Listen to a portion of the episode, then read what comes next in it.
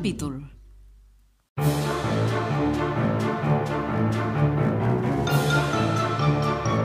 Hola, bona nit, bona matí, bona vesprada, bon de tot per tothom. Com esteu? Hola, Guille. Epa!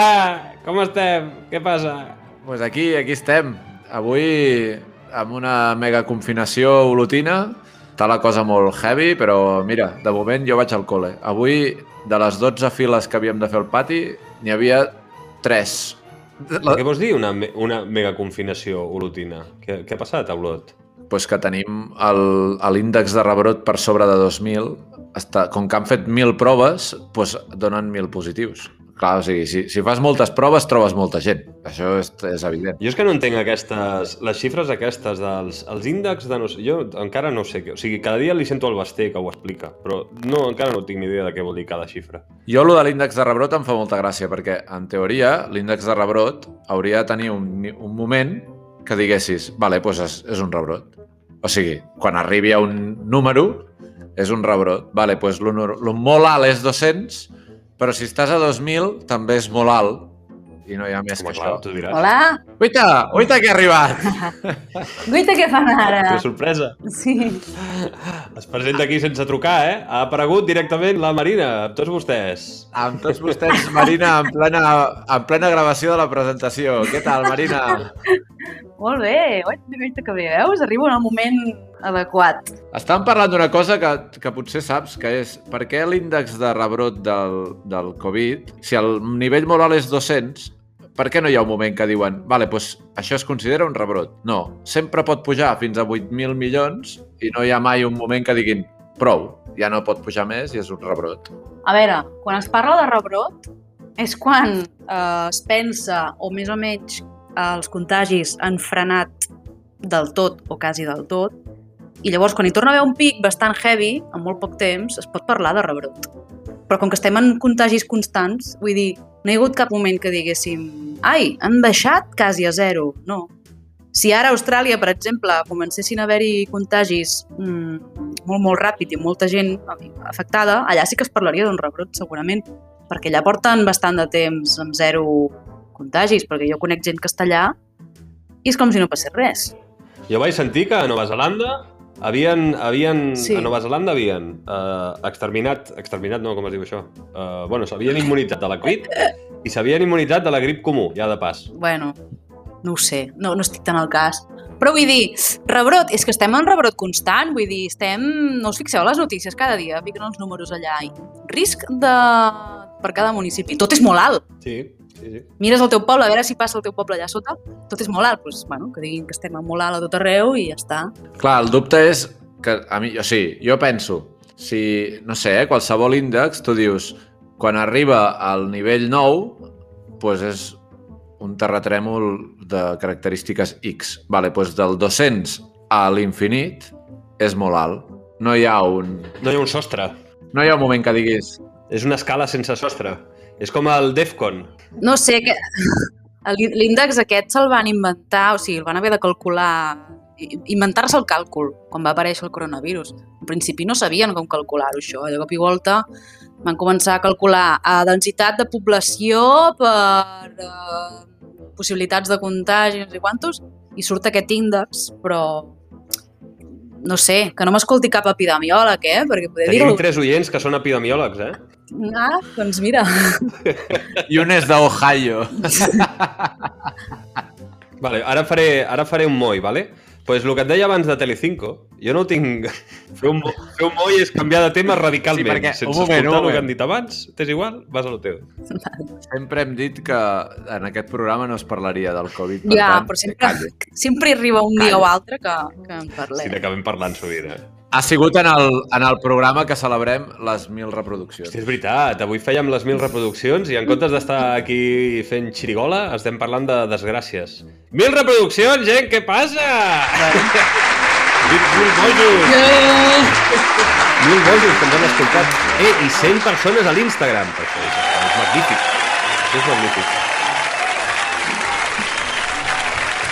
Estem ja estem a la cresta de la ola. No tenim sostre, nosaltres tampoc tenim sostre, com el, la Covid, com l'índex de rebrot. Sense límit. L'índex d'èxit d'aquest podcast no té límit. Està a 2.000 i segueix pujant. Bueno, a 1.000 ara i segueix pujant. 1.000, m'ha semblat veure 1.006, Sí, que em sembla un número molt maco. Un índex te'l pots fer a la teva manera. El meu, el meu, la meva tassa d'èxit, jo creia que haguéssim arribat a l'èxit si ens escoltaven 10 persones. I Bueno, com pues, portem 1.006, doncs imagina't. multiplica. jo crec que el nostre, la nostra, el nostre índex serà aquest. Serà com es calcula l'èxit del nostre podcast? Es calcula mirant quanta gent, en quanta gent ha escoltat el programa. Punto. Ja està. Per tant, tenim un índex de 1.006. A partir de 10, a partir de 10 era molt alt.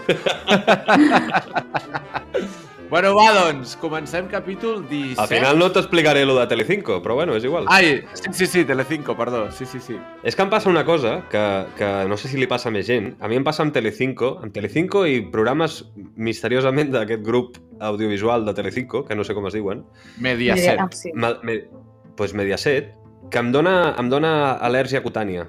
Jo quan estic fent zapping i pillo un canal d'aquests, em donen capfreds. No em passa amb Divinity, per exemple, que fan les reformes i això, això bé. O sigui, és depèn del contingut que estiguin emetent en aquell moment.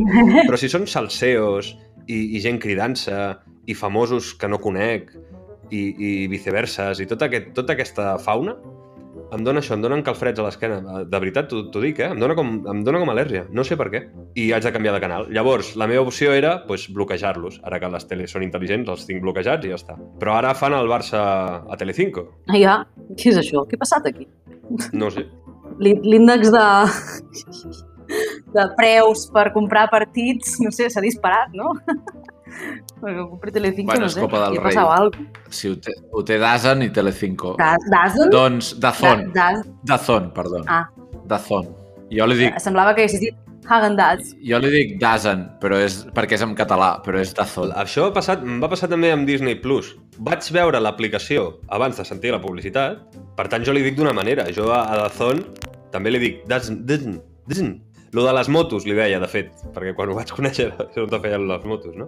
Però amb Disney Plus també m'ha passat que jo li dic Disney Plus. Jo no li dic Disney Plus. Quina merda és aquesta? Disney Plus.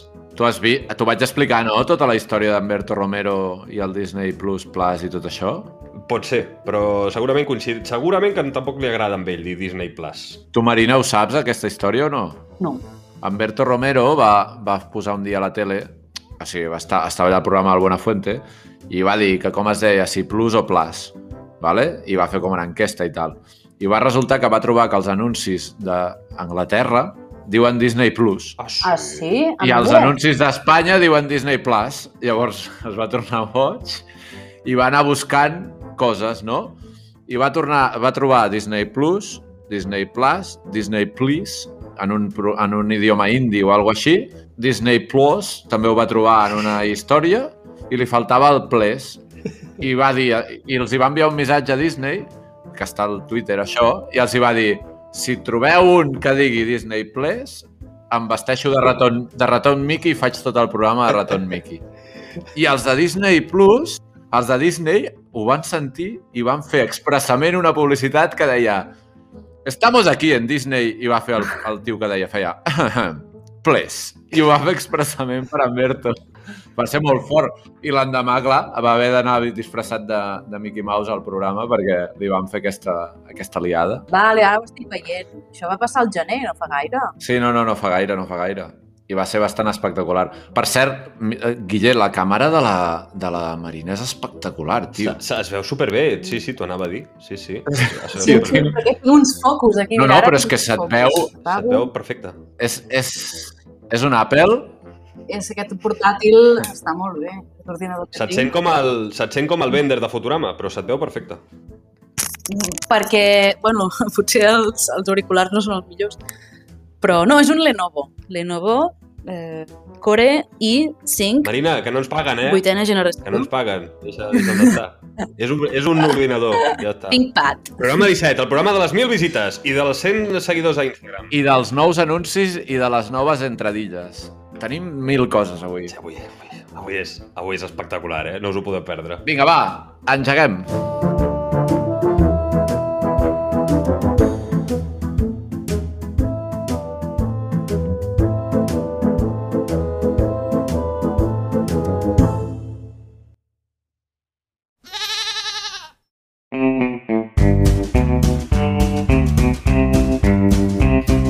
Molt bé, després d'unes vaques o unes cabres o no sé què ha sonat ara, anirem amb el tema d'en Guille. Però abans de començar, escolteu això que posem ara mateix.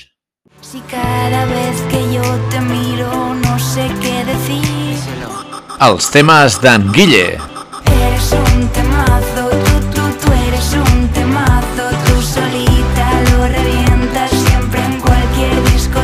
Doncs uh, vaya temazo, eh, que m'han posat. Bueno, vaya temazo, clar. Literalment, vaya temazo. Moltes gràcies a la, a la Su, que ens ha permès fer servir la seva cançó. Em sembla que en algun moment vaig dir que m'agradava més la versió d'en Moi, però perquè no havia escoltat aquesta. La que m'agrada la que m'agrada ara és aquesta, eh? que us sapigueu. Uh, molt bé, doncs sí, avui porto un temazo, bueno, un temazo que a mi m'agrada, perquè ja sabeu que una de les coses que més m'agrada a mi és la filosofia, o sigui posem-vos el cinturó de seguretat, que anem a parlar anem a parlar de filosofia. Vaig a parlar-vos d'en Diògenes. Sabeu qui és en Diògenes? Un senyor que acumulava moltes coses. Tu, Marina, tens idea de qui és en Diògenes? Uh, no, el síndrome, la síndrome sí. La síndrome de Diògenes. Un senyor, un senyor grec. No? Sí. Bueno, hasta, sí, sí, eh, sí, eh, molt bé. Sí, era un filòsof grec, en Diògenes. El que passa és que em fa una mica de, de, de ràbia, fins i tot, perquè el Diògenes és un dels meus ídols, i tothom l'associa al síndrome de Diògenes, però realment era exactament el contrari. Us explico el que tenia el Diògenes. Vale? Les possessions del Diògenes eren una manta, un serró, un bàcul i un bol. Eh, això era tot el que tenia. El síndrome de Diògenes, que és exactament l'oposat, que és acumular de manera malaltissa quantitat de, de trastos inútils. S'associa a Diògenes, al síndrome de Diògenes, perquè el Diògenes era, era... Totes les coses que tenia eren útils. La gent que acumula tota aquesta basura, ells consideren que són coses útils. Saps? Que en algun moment donat les hauran de fer servir, com diaris vells o calaix de sorra d'un gat sense tenir gat, aquest tipus de coses, no? Per això s'associa al síndrome de Diògenes, però bueno, no sé, qui li va posar aquest nom al síndrome potser era bon psicòleg, però era mal filòsof o mal historiador de filosofia, perquè tot el contrari. La síndrome. La no síndrome. el síndrome. És Ah, la perdó. síndrome en Perdó. català. Sí. Quant de, quant de mal ha fet uh, uh, Unides Podemos, eh? Comencem pel principi, vale? hem de parlar de Diògenes, doncs comencem on va néixer, va néixer a Sinopa, o Sinopa, o Sinopé, la veritat és que no sé, que és una colònia que hi havia al Mar Negre, cap al 400 i pico abans de Crist. Però bueno, de jovenet és igual perquè el van desterrar, això és molt bo també. És que, és que aquest tio m'agrada molt i jo crec que al final us enamorarà a vosaltres també. El van desterrar a ell i al seu pare perquè el seu pare era banquer i es veu que es van dedicar a acunyar moneda falsa. Llavors els van pillar, els van pillar amb falsificant monedes i els van desterrar. Què? No us sembla meravellosa aquesta història? I estaven en una illa, saps que sempre t'in- t'informo de coses importants, eh? Van a, els van desterrar en una illa, no? Em vas dir? Estaven no. a Sinopa. No, no, no sé si és una illa, potser sí que és una illa. No ho sé, està a Grècia. Bueno, no sé si és una illa o no, però segur que està a prop del mar. Això sí. I en aquella zona hi havia moltes, ga... hi havia moltes gavines.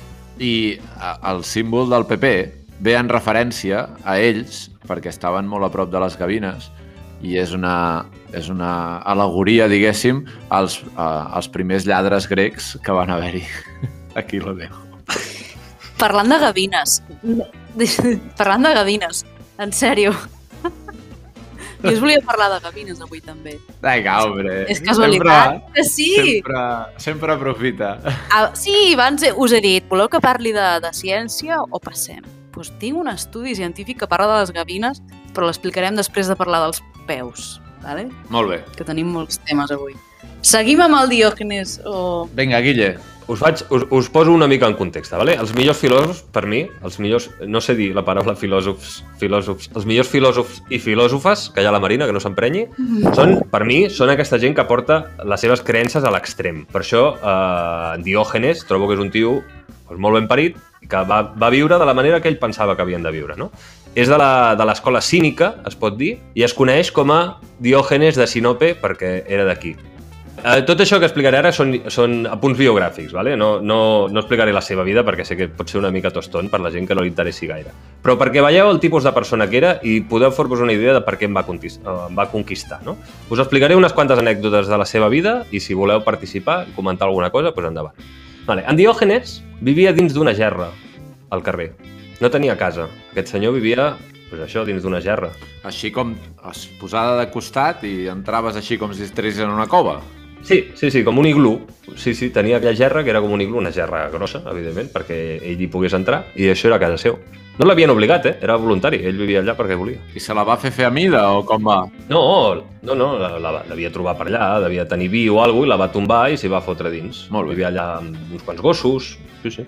Uh, com us he dit abans, tenia, literalment, tenia quatre coses. Tenia el bàcul, una manta, el sorró i el, el serró, que és un zurrón, i tenia un bol, però un dia va veure un nen que bevia aigua així, agafar amb, la, amb les mans, va pensar que el bol li sobrava perquè podia beure amb les mans, llavors va agafar i el va trencar allà al mig del carrer. I ja solo queden tres coses, no? Eren quatre i ja queden tres. En comptes de, de dedicar-se als plaers terrenals, eh, aquest, quan els van cardar fora de casa seu se'n van a viure a Atenes, ja, ja em sembla que ja ho he comentat, doncs la gent allà a Atenes es dedicava pues, a això, no? a donar-se plaer, no? a les coses, bueno, a les coses terrenals.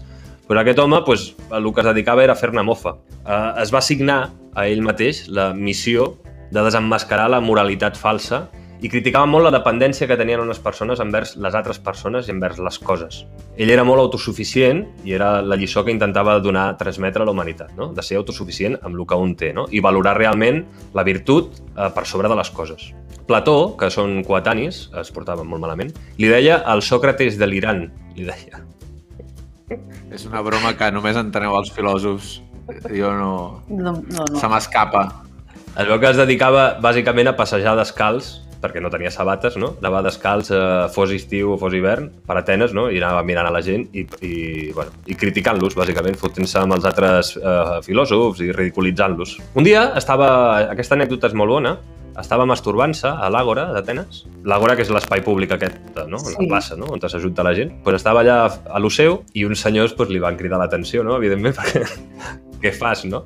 I el tio va dir, tant de bo, frotant- frotant-me la panxa, eh, em tragués la gana igual amb aquesta facilitat. Aquest és el, aquesta és la línia de pensament d'aquest senyor. Escolta, tenia, tenia seguidors? Sí. Vull dir, hi havia gent que el seguia? Sí, sí, ui, espera't, espera't més endavant que veuràs qui el seguia, aquest senyor. Tenia molts, eh, molts followers. Vale, vale. Tenia molts haters també, perquè com tota persona polèmica antisistema, pues, eh, tens molts seguidors, gent enamorada de tu, però tens molts haters també, no? La majoria dels altres filòsofs eren haters seu, no? Ell va ser deixeble, de fet, de- de- de- d'Antístenes, eh, que, era, que va ser un deixeble a l'hora de, de Sòcrates, no? Però en Diògenes, clar, eclipsa completament el seu mestre, no? Té molt més protagonisme i té molta més fama que, que ell. Ah, llavors, com ja us he apuntat una mica abans, en Plató doncs, no es portava gaire bé amb aquest home, no? Perquè pensava que era directament un sonat. I, i en Diògenes sempre li criticava les seves teories, no? Dient coses com...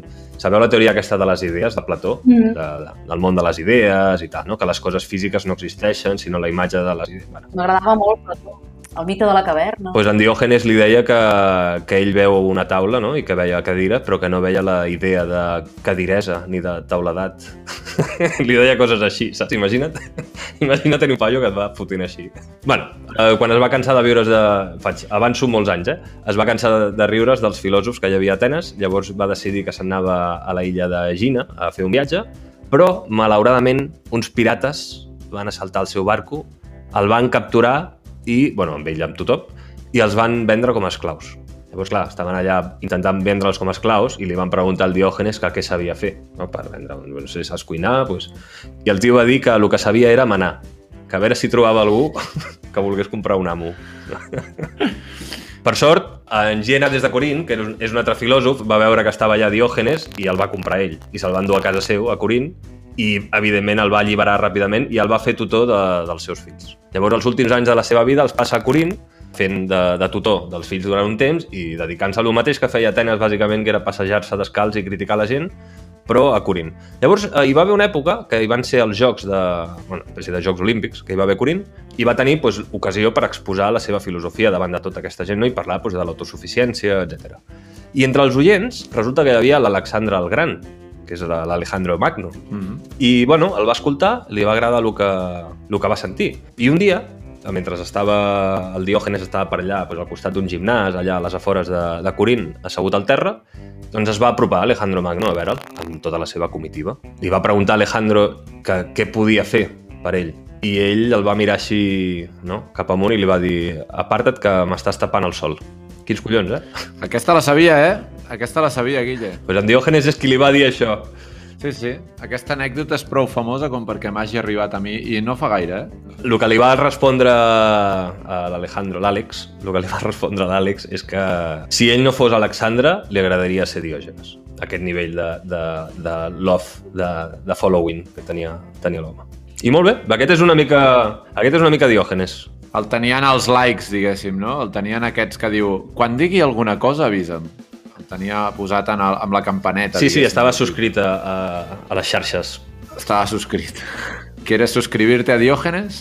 I en l'Alejandro Magno va dir sí. Sí quiero. Activar campanilla. bueno, doncs eh, aquest era, aquest era el Diògenes. He anat molt ràpid perquè després us queixeu de que el podcast és molt llarg. Tenia moltes coses a explicar de Diògenes, però bueno, així us podeu fer més o menys una idea. Has explicat moltes coses, eh? Portes 10, min 10 minuts parlant de... de Boicotejant el teu, la teva secció. Eh, un temazo, Guille. Saps què podem fer? Podem fer un podcast que es digui Marina i xerres tu de lo que vulguis. Què et sembla? Vale. I ens piquem, eh? Vale.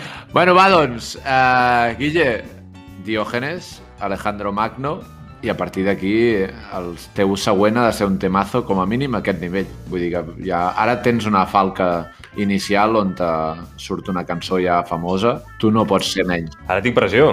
Molt bé, bon tema. Marina, ja sé que jo crec que t'ha agradat igualment, encara que li critiquis una mica, és per buscar una mica de brega, però jo sé que No, t'agrada. sí. Sí, m'encanta la filosofia, per cert. T'agrada la filosofia de veritat Sí, sí. o ho dius amb, amb, amb, amb Rintintín, el perro de Tintín? No, no, no m'encanta i, i quan l'estudiava realment tenia molt bones notes sempre perquè m'encantava els filòsofs, les teories de cadascun. A la CELE em va sortir Descartes i Coneixies en Diògenes? no. jo els bàsics, saps? Hume, eh, Nietzsche, Plató... En, en Moi és molt fan d'en Hume. O d'en Locke, de què eres molt fan, tu? Sí, és que no sé si vaig explicar aquesta anècdota, però quan vaig anar a la CL hi havia Hume i Locke i tota la classe va fer l'altra, que, que no vaig fer jo. I vaig suspendre, o sigui, va ser un fracàs. Ai, jo vaig fer un 9 i mig. És que m'encantava filosofia. Jo era més de lletres.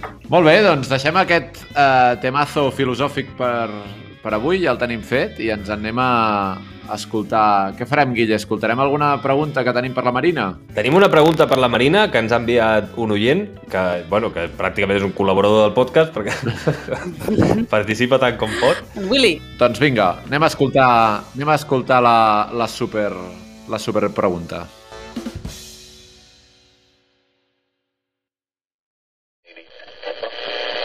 Bona, sóc en William Girona. Vull fer una pregunta a la nostra bióloga marina. ¿Qué pasa con el ser humano, con las uñas de los pies concretamente, que las, te las puedes cortar como te dé la gana todas, menos las del dedo gordo? Como te las cortes mal, te acaban, se te acaban clavando. ¿Por qué las otras son de puta madre y las gordas, las del dedo gordo, se te clavan ah, con el tiempo si no las cortas bien? Gràcies, una abraçada marina. Soc del fans. Una cosa que haig de puntualitzar és que jo no és que ho sàpiga tot, és que tinc molts contactes que em poden resoldre tots els meus dubtes sempre. Vale? Tu, si em dius, necessito saber això, tranquil, que segur que conec algú que és expert en aquest tema i ens ho pot resoldre. Com això, vale? Jo rebo aquesta pregunta sobre ungles i dits dels peus, que no en tinc punyetera idea, però en canvi tinc un bon amic que és podòleg, d'acord? I llavors he anat a fer-li la pregunta i la feina d'un bon comunicador doncs, també és digerir la info i explicar-la, eh? divulgar-la. Aquest noi que es diu Jordi, Jordi, gràcies per resoldre'm la pregunta, m'ha dit que realment la resposta és molt fàcil i és que les ungles del dit gros del peu són les més gruixudes. Vale? Tenen més gruix, per tant són les que tenen més força quan creixen. Això per començar. Llavors, diu que els canals ungueals, és a dir, per allà on surt l'ungla, són més grans i llavors això també fa que s'hagin de netejar més, vale? això com a afegit. Llavors diu, a la mínima que fas, eh, o sigui, a la mínima que desvies la trajectòria de l'ungla perquè te la talles o te la neteges, ja creixen malament. Creixen amb molta força i de seguida es desvien a la nova direcció que tu li has ficat. Vale? O sigui, és una ungla que creix tan ràpid i amb tanta potència que a la mínima que no li fas la via recta es pot corbar. I fa mal i és més difícil de, de tornar-les a posar en direcció recta. A més a més, segurament moltes vegades no portem les sabates que hem de portar, d'acord amb la nostra forma del peu. I això també fa que, que a vegades doncs, les ungles o els dits agafin una forma que no és la forma natural que si anéssim descalços. D'acord? I aquesta és l'explicació que, que m'ha donat el meu amic podòleg. No sé si hi ha alguna pregunta. Jo tinc, una, jo tinc un dubte. El teu amic podòleg ens podria explicar d'on te surt el número de, del calçat? És- Porto moltes setmanes insistint en aquest tema. Creus que ell ens ho sap Ai, és que... No ho sé, lo, lo... Sí, jo crec que li puc demanar que em faci un àudio i el proper programa el podem posar. Sembla? Perfecte, O perfecte. sigui, la pregunta seria, Guille, per què hi ha tants números diferents i tantes opcions diferents de numeració de calçat, no? A mi m'agradaria saber ja per començar per què es comença per al 30 i pico, perquè no conec cap número més petit de 30 i alguna cosa. I després, aquest número què és? Què representa? És una espècie de, de volum? O és diàmetres? O què és, de què estem parlant? És un índex. De rebrot, No. d'ungles... Li pregunto i a veure si en aquest mateix programa podem incloure la, el seu àudio, vale? Ara, mentre estem aquí, jo li demanaré a veure si m'envia... Vale, audiència, si sentiu ara a continuació un àudio és perquè ho hem aconseguit a temps. I si no, doncs ja la setmana que ve. No, tampoc us amoïneu. Que ja sé que aquesta pregunta només, només m'amoïna a mi, aquest tema. Jo ja ho sé, eh?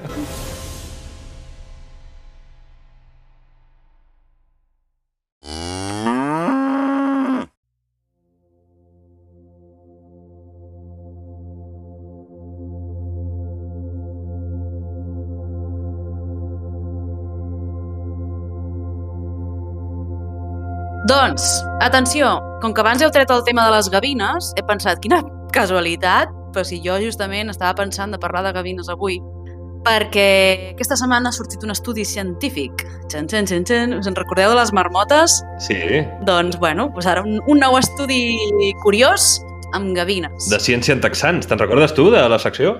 Sí, sí. doncs bé, uh, resulta que un estudi fet per, per científics d'aquí, Catalunya, bàsicament, han fet un estudi amb diferents grups de gavines de les Illes Medes i del Delta de l'Ebre, val? o sigui, és un estudi català, fet de Catalunya, no, mentida, s'ha fet a, a diferents llocs d'Europa, eh? però a Catalunya en concret eren gavines d'això, del Delta i de les Illes Medes. I han vist, o sigui, els han analitzat el que és l'intestí, o sigui, l'intestí, la, la cloaca, no?, de les gavines, el forat, vaja, per on surt la caca. Doncs han vist que les gavines tenen, a la seva panxa, tenen bacteris d'origen humà i que, a més a més, són resistents als antibiòtics. Vale? Com s'explica això? O sigui, rebobinem. A dins de l'intestí i l'estómac de les gavines hi estem trobant bacteris com salmonella, per exemple. Sabeu quins són, no? Vull dir, el salmonella és el que és un bacteri que provoca doncs, gastroenteritis, vòmits, diarrees i tot això. Però això ho tenen... Això ho ten, això és... No sé, jo ho relaciono amb els ous, això. Té relació amb els ous o m'ho estic inventant ara? Sí, sí, perquè normalment els, bacter... o sigui, els bacteris salmonella i un altre, que és Campylobacter, estan relacionats amb els ous, les gallines i tot això. Però hi ha altres aliments que es contaminen amb aquests bacteris. O sigui, un, un filet de pollastre també es pot contaminar amb aquests bacteris alimentaris. Salmonella és més d'ous i gallines i Campylobacter doncs, pot estar també a la carn. Vale? O sigui, la carn de pollastre, vull dir. Llavors han vist que, clar, com pot ser que la fauna salvatge, o sigui, les gavines són eh, ocells que viuen lliurement doncs, per la natura, però, si us hi fixeu, cada vegada les gavines viuen en, en ciutats o en llocs urbans, Sí. se'n van als abocadors a buscar restes d'aliments, és a dir, són uns ocells que s'han acostumat a viure dels nostres, de les nostres restes de menjar. Llavors, què estan veient? Que nosaltres, com a persones i societat, des de fa molts anys, estem fent abús dels antibiòtics, ens els prenem quan no són del tot necessaris, o ens en prenem, jo què sé, si en lloc de 10 dies només en fem 5, no ens estem curant de la malaltia, sinó que estem fent que els bacteris no es morin, que siguin més, més resistents i tinguin més aguante. Els, els antibiòtics cada vegada doncs, potser serviran menys per curar-nos malalties perquè estem mal acostumant als bacteris, ja no es moren. Llavors, què està passant? Que nosaltres, si ens mediquem amb antibiòtics o els animals de granja, per exemple, després tot això ho eliminem. Pues amb les femtes, pipis, els que sigui, vale? tot això va parar al medi ambient, o sigui, les nostres restes de menjar, de coses que fem servir de menjar, s'hi van a parar als abocadors, i després les gavines van allà i s'ho mengen, s'estan emportant, doncs, bacteris també. I és que estan, la conclusió d'aquest estudi ha sigut ostres, tenim un greu problema perquè si els bacteris d'origen humà estan arribant a les gavines, vol dir que estem alliberant bacteris resistents per tot arreu. El medi ambient en general. Pot ser els rius, a l'aigua dels rius, altres animals, vull dir, ho han vist en gavines, però es veu que està passant doncs, amb, amb esquirols, amb, com es diu, amb erissons, amb guineus. Llavors, doncs, bueno, és com un estudi que ens fa ser una mica... que hem de reflexionar de que d'anar en compte amb els medicaments. Aviam si ho, si ho puc aterrar, a, si ho hagués d'explicar als meus nens de tercer de primària, ¿vale?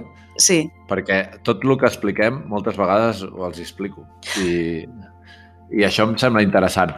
Estem parlant de que els animals, al alimentar-se de coses que són restes humanes, mm? No, no restes humanes, sinó restes, restes de menjar o de menjar o el que sigui, O, per exemple, tu imagina't, estàs fent alguna cosa a la pica i aquella aigua que cau per la pica, si tu, doncs, eh, no sé, les aigües residuals que provenen de les, de les piques o dels vàters o el que sigui, no ho veiem, però allà hi ha bacteris nostres que deixem anar.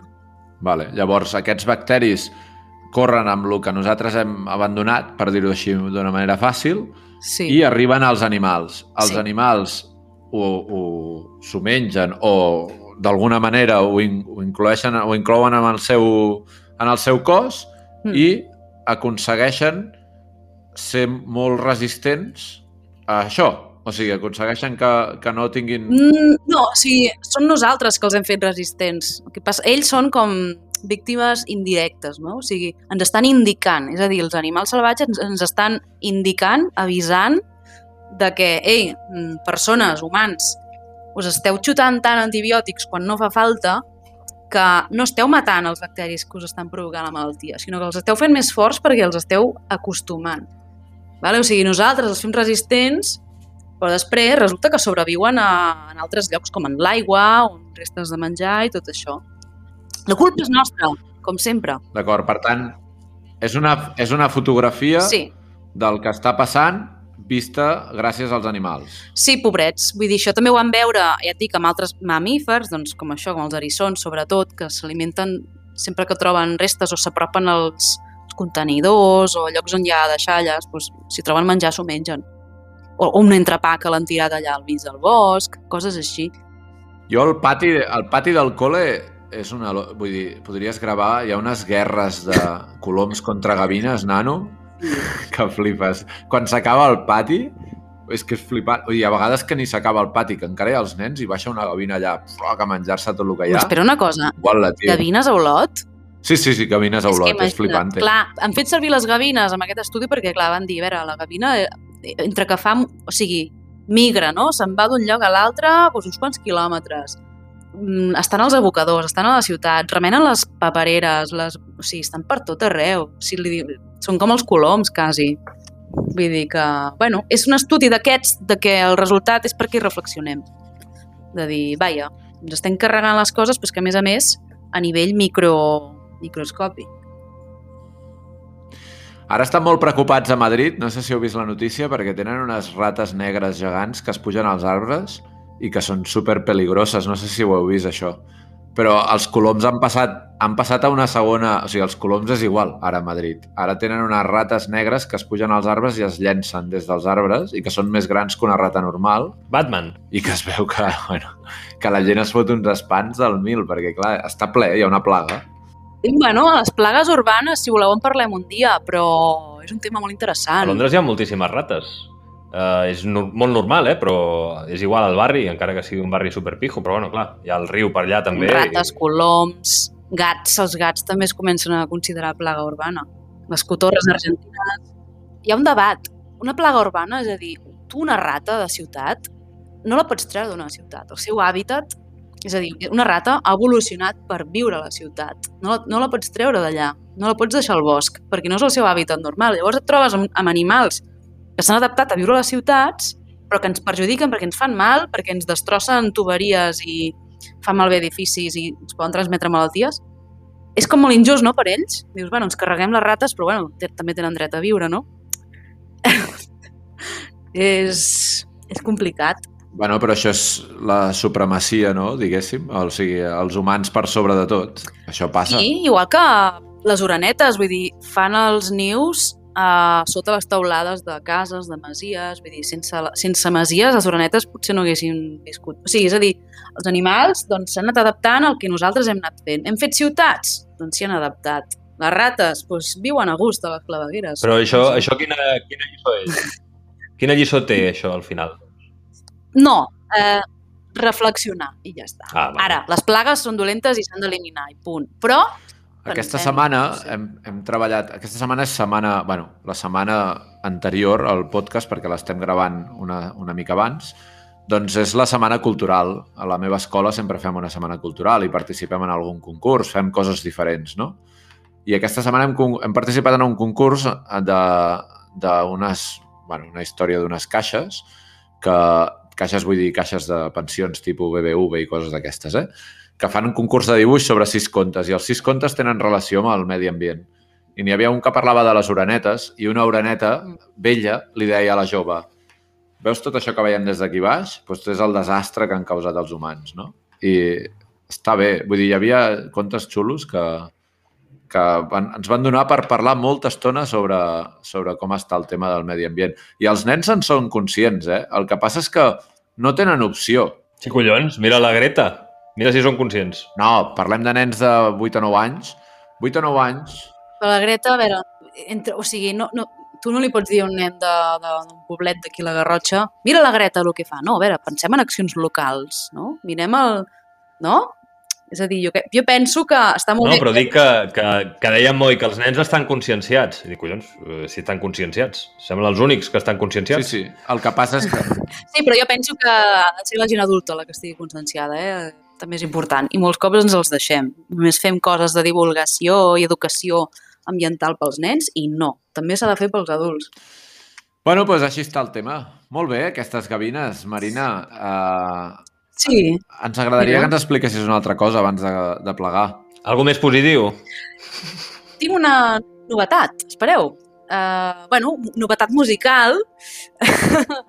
Podem posar la cançó que, que vam estrenar la setmana passada en Joan i jo, la podem posar? Posem-la. I tant que sí, i tant que sí. Home, i així celebrem el, els, les 1.000 reproduccions. Bueno, les 1.200 que et portarem ja. Vinga, va, posem-la.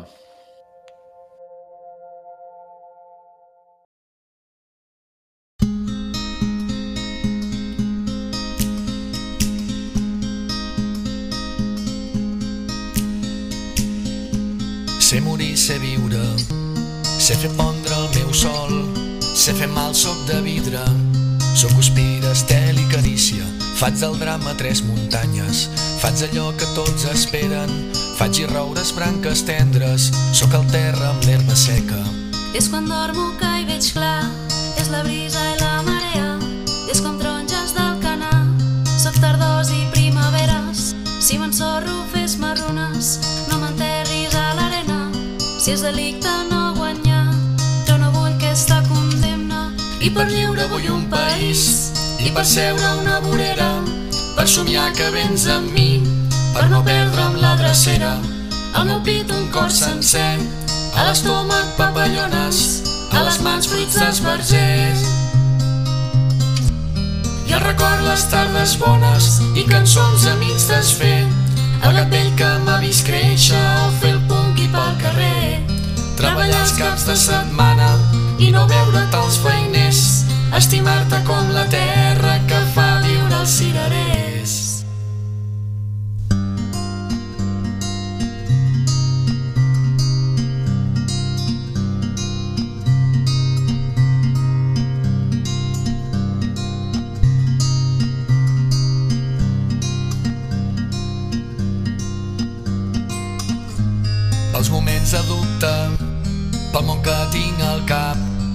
Quan era invencible i la por era un fracàs.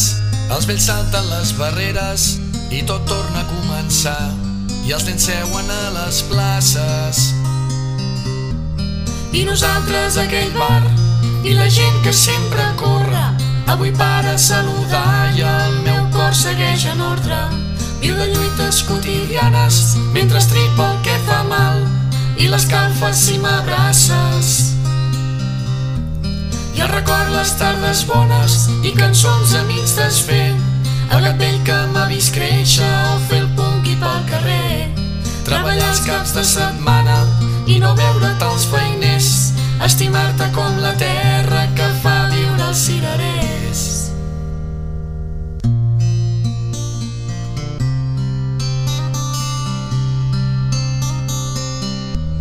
I el record les tardes bones i cançons amics desfer. El gat vell que m'ha vist créixer o fer el punqui pel carrer.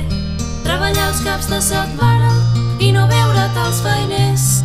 Estimar-te com la terra que fa viure els cirerers.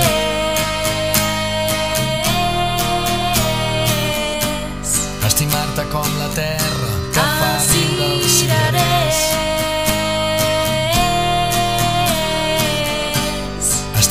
com la terra que fa viure els cirerers.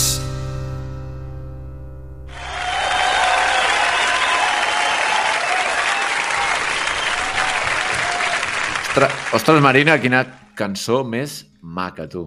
Eh que sí? És maca? Uh, bé, és, la versió que hem fet nosaltres és maca, perquè, clar, aquesta cançó uh, està feta per dos professionals que són del grup Ginestar, i, clar, nosaltres vam dir, uah, aquesta cançó és molt xula, fem una versió, no? Llavors vam intentar fer-la quasi igual, però al nostre estil també, no? El més curiós d'aquesta cançó és la quantitat de gent que m'ha parat pel carrer com, o que m'ha enviat whatsapps dient-me «Eh, no sabia que cantaves, no sé què!» I jo pensant, home, dic que jo canto des que tinc memòria, o sigui, calculo que des dels 4 anys o 5. Però clar, canto doncs mentre condueixo, mentre em dutxo i, bueno, i ara canto doncs, amb el Joan. Però la gent és com que es pensaven que jo això ho tenia super amagat i a veure, tothom sap que he fet música, he anat a l'escola de música durant moltíssims anys, però m'agrada, o sigui, és gratificant, no? Fas una cançó d'aquestes, una versió, una cover, que hi hem dedicat moltes hores i, i hi ha molta edició al darrere de, de, perquè soni tot harmoniós. I el més bonic d'això és quan ho comparteixes i la gent diu que li agrada. I penses, hem fet la feina ben feta, perquè quan fas música l'objectiu és arribar al cor de les persones. Que maco. Posarem el link a- al, al YouTube, ai, al YouTube. Sí, sí, Posarem, sí. el link del YouTube el posarem a, a l'Instagram i al Twitter i tal, perquè podeu escoltar-la més vegades, si voleu, i li doneu molt d'apollo, perquè la veritat és que, bueno, és una cançó supermaca i la fa la nostra companya, o sigui que... Sí, però una, una... haig de dir que, que, clar, nosaltres, com més l'escoltem, més errors detectem de dir, buah, aquesta frase està super desafinada, Bueno, no clar, sé què, clar. però com que només ho, s- és allò que dius, bueno, només ho detectes tu perquè ho has fet tu. No, home, i que s'ha de ser... Així que, en de ser general, autocrític. està molt bé. Sí, sí, sí, i tant que està molt bé. I nosaltres no ho sentim, els errors, eh? No, però uh, hi hem dedicat bastant, o sigui... És allò, jo mai havia fet res així, eh, de dedicar-me tant per fer una cançó d'aquestes. Clar, llavors vam dir, ah, està molt bé la cançó, però si la volem compartir hem de fer un vídeo per acompanyar-ho. llavors, pues, vam fer un videoclip. Sí, sí, avui dia. Per quan el, per quan el LP? No sap el que és un LP, la Marina. Quina edat té la Marina, que no sap el que és un LP? Oi que no saps el que és un LP? No, No. Per quan el disc? no, de moment estem preparant la següent cançó, el següent cover, que no us diré quina és, serà sorpresa. Molt bé. L'escoltarem aquí, eh, però... Però bé, ja per llarg, eh? Com faci una cover de Eres un temazo, t'hi cagues. Mm. Home, alguna de les su pot caure, però no serà aquesta següent que farem. Molt bé. Bueno, jo us volia tancar amb una, una petita anècdota que m'ha passat avui a l'escola. La meva escola, la- jo treballo en una escola cristiana, l'escola Pia d'Olot, vale? Eh, eh, bueno, tot aquest tema de la religió comença a estar en, en una situació en la que bueno, es respecten totes les religions, hi ha nens de totes les religions a l'escola, s'estudien totes les religions, i per tant no només existeix la religió cristiana a l'escola, però sí que bueno, jo, jo he crescut en un entorn de religió cristiana i bueno, doncs, sempre l'he tingut molt present. No? I avui estava al pati amb els nens allà jugant i tal i he vist una cosa que brillava a terra. I he trobat això, que us ensenyo ara, que és, que és com un petit àngel Sí. de plata que estava allà a terra. i que no... I, bueno, quan passen aquestes coses, jo tinc molts... Bueno, se me'n va molt del cap tota la història, no? I sempre penso que quan hi ha alguna cosa d'aquestes, això no es pot ni llançar, ni... Ja la tinc posada en un, com un pedestal aquí dalt, no? Vull dir, és una cosa que, que servirà per alguna raó, per protegir o alguna cosa. I a és més a més... Un, perdona, és com un àngel, però és... Uh, bueno, no sé si posarem una foto també d'això, què? Però és un àngel, però és com, una figura del, del Monopoli... Monopoli de Jerusalem. Sí. Sí, sí. Té forat perquè va com un penjoll o com una pulsera Ah, i, i bueno, pues, he preguntat allà a la secretaria si algú l'havia reclamat i he dit, bueno, si algú el reclama que sapigueu que el tinc jo i de moment, com que no el volia deixar en un lloc que no fos honorífic, pues l'he deixat aquí al, al costat del meu Buda que tinc a, a casa i el tinc allà ben posadet, no? Per, per tant, ja és multireligiós aquesta casa en aquest. Però és que a sota té un número i aquest número crec que aquest dissabte serà el número que tocarà a la Loteria Nacional. ya estamos con la lotería. I per tant, si toca, ja us ho explicaré la setmana que ve, jo compraré el número, he mirat i els pot comprar online. Des de, des de Cancún. Ens ho explicarà des de Cancún, amb No, perquè, a més, aquest, no és el dissabte, és el diumenge, perquè el diumenge és el, és el 14, que és el dia de les eleccions, i és Sant Valentí. I hi ha un, hi ha una, un sorteo especial de la loteria de Sant Valentín, i he vist que aquest número el puc comprar. I el compraré, i ja us explicaré. Aquestes coses a vegades passen, i mira, provarem sort. I res, aquesta és l'anècdota. He trobat un àngel. No, no es troba cada dia, eh? Un àngel al pati, al terra. He trobat un àngel tirat al terra. Un dia amb una... Però bueno, mira, pues així està. I res més. Molt bé, molt bé, tu. Hem tingut un dia completet, eh? Perquè al final eh, he tingut tema, la Marina ha tingut tema i cançó, jo també he tingut cançó, sí? el Moi té anècdota, dir, un dia meravellós. Un podcast meravellós, rodonet, curtet, com us agrada a vosaltres, eh? pim-pam, pim-pam, quatre riures, quatre informacions i apa, a dormir. Bueno, doncs, uh, mil reproduccions, uh, estem supercontents, moltes gràcies. Avui hem estrenat moltes coses. I, per cert, perdó, uh, tancarem primer amb la publicitat de la nova publicitat que tenim en el nostre podcast, Guille. És veritat, és veritat, teníem, tenim aquest estreno, també és increïble, això, aquest podcast és una passada. Per tant, posem un moment la falca publicitària i ens despedim. I de pas, i de pas també posarem on heu d'enviar missatges, no? Fiquem-ho tot seguit. Et sembla bé, Guille? Totes, totes les cunyes que tenim les fotem seguides, va. Doncs pues vinga, va, fins ara.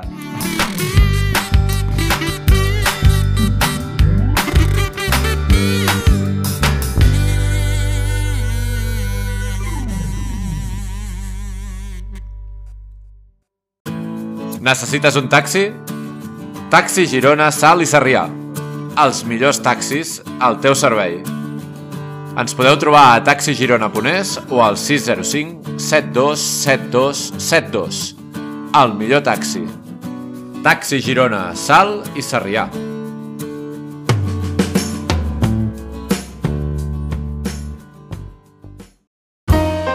Tens alguna cosa a dir? Vols fer-nos companyia? Envia els teus missatges de veu a ja.cat barra Guillemoy SMS.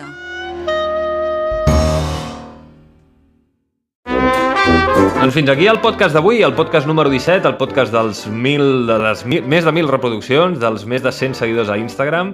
A veure si arribem als 200 i a les 2.000 reproduccions. I moltíssimes gràcies a tots per haver-nos escoltat. Moltíssimes gràcies a en Moi per les seves anècdotes d'àngels i la seva loteria. Moltíssimes gràcies a la Marina, que ens porta temes i cançons. Vull dir, és meravellós. Aquest podcast cada dia m'agrada més a mi. Jo crec que cada dia ho fem millor. Vinga, moltes gràcies. Gràcies a vosaltres. Adéu! Adéu, adéu, adéu. Sonen els mariachis ja o no? No sé, ningú els ha cridat. Mariachis! Mariachis! Adéu,